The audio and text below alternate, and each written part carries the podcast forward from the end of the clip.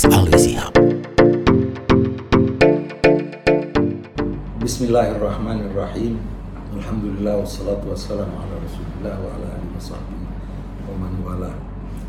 Hari ini eh, kita akan berbicara tentang suatu hal yang akhir-akhir ini cukup banyak perbincangan terhadap hal tersebut yaitu bagaimana sebenarnya hukum Islam terhadap seorang yang merubah agamanya. Dalam istilah eh, agama, merubah agama itu adalah riddah. Riddah dari kata-kata yang kembali atau yang mantul. Jadi kalau ada bola yang ditendang ke tiang itu begitu dia kembali dinamakan irtadda atau dia kembali ke tempat di mana dia tadinya ditendang. Seorang yang pindah agama, dia tadinya beragama A, lalu dia irtadda, dia kembali ke agama yang sebelum uh, dia anut. Kalau tadinya dia menganut agama Islam, lalu dia keluar dari agama Islam, maka dia pada saat kembali ke agama sebelumnya, maka dia dinamakan murtad.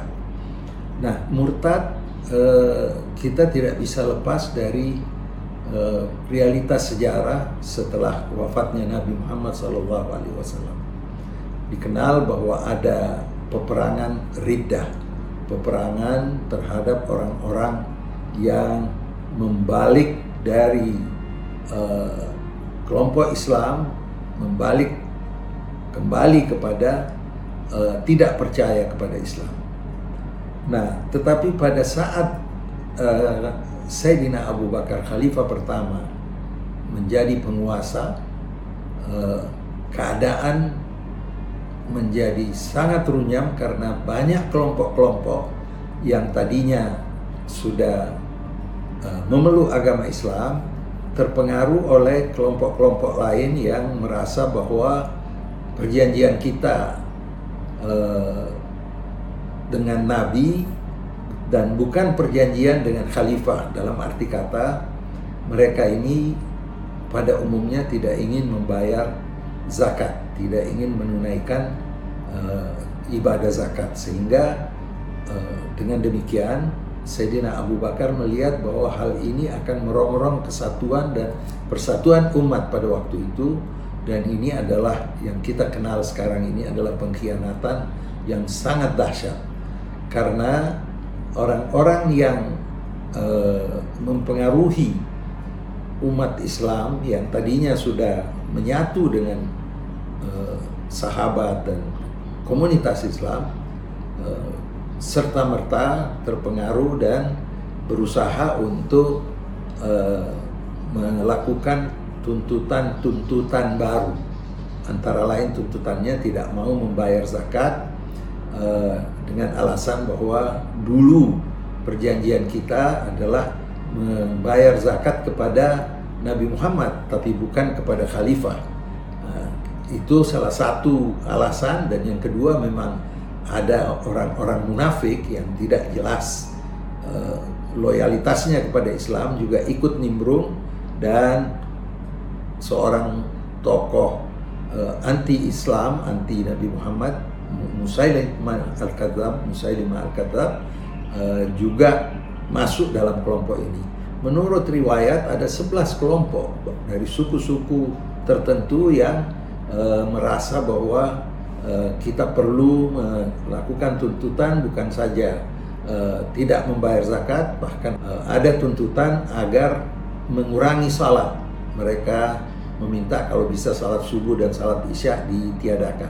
Yang penting ini adalah suatu kelompok yang cukup besar kalau menurut riwayat sampai kepada 40 ribu orang pada masa itu cukup besar dan uh, di khawatirkan kalau ini tidak diselesaikan, uh, Sayyidina Abu Bakar merasa bahwa uh, Islam bisa ter bukan saya terkontaminasi tapi bisa uh, terhapus dari daerah uh, Madinah dan uh, Mekah dan sekelilingnya karena bibit-bibit uh, per, per, perpecahan ini akan timbul dari kelompok ini. Maka beliau memutuskan untuk mengirim komandan perang yaitu Khalid bin Walid untuk memerangi mereka.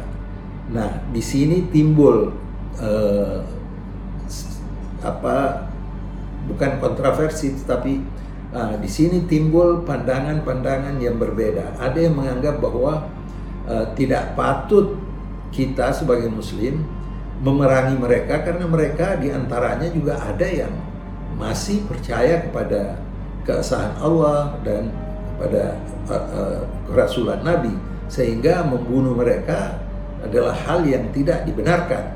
Uh, tetapi uh, ijtihad atau pandangan Sayyidina Abu Bakar melihat bahwa kalau hal ini dibiarkan maka ini akan merongrong persatuan akan merongrong uh, uh, apa namanya kelangsungan Islam pada waktu itu sehingga uh, memerangi mereka adalah suatu hal yang harus dilakukan. Nah, uh, memang di antara sahabat termasuk Sayyidina Umar uh, enggan untuk uh, uh, Sayyidina Umar khususnya uh, tidak setuju dengan pengangkatan Khalid bin Walid karena dikenal bahwa Khalid bin Walid ini sangat uh, keras dan uh, dalam peperangan memang dikenal sebagai uh, seorang yang sangat berani dan Sayyidina Umar tidak menginginkan kalau nantinya ada orang Islam yang dibunuh dan itu suatu hal yang menjadi suatu uh, pertanyaan besar.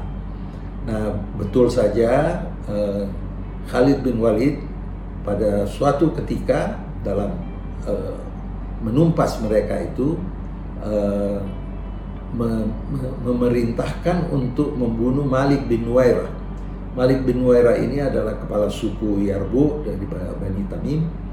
Uh, dia tadinya seorang kepala suku yang baik, yang sahabat Nabi, yang diperintahkan oleh Nabi untuk menghimpun zakat di uh, kelompoknya, lalu membagi-bagikan kepada uh, fakir miskin. Nah, perintah Khalid bin Walid, uh, apakah itu benar disebabkan karena Nuaira ini tidak mau membayar zakat atau tidak, timbul kontroversi yang jelas bahwa Nuaira terbunuh atas perintah uh, Khalid bin Walid. Itulah yang menjadikan Sayyidina Umar tidak setuju untuk uh, Khalid di melanjutkan uh, apa namanya kepemimpinannya menumpas kelompok ini dan Sayyidina Umar membuktikan ketidaksenangannya terhadap Khalid bin Walid atas kematian uh, Malik bin Nuwaira tadi dengan mencopot Khalid bin Walid setelah Sayyidina Abu Bakar uh, meninggal dunia.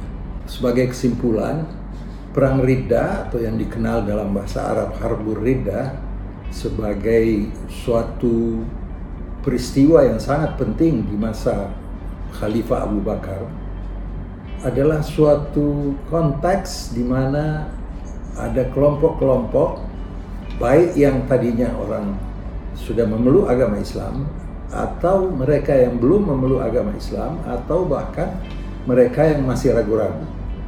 Diperangi oleh Sayyidina Abu Bakar sebagai suatu pembangkangan dan usaha untuk memecah belah komunitas Islam yang ada di Madinah pada waktu itu.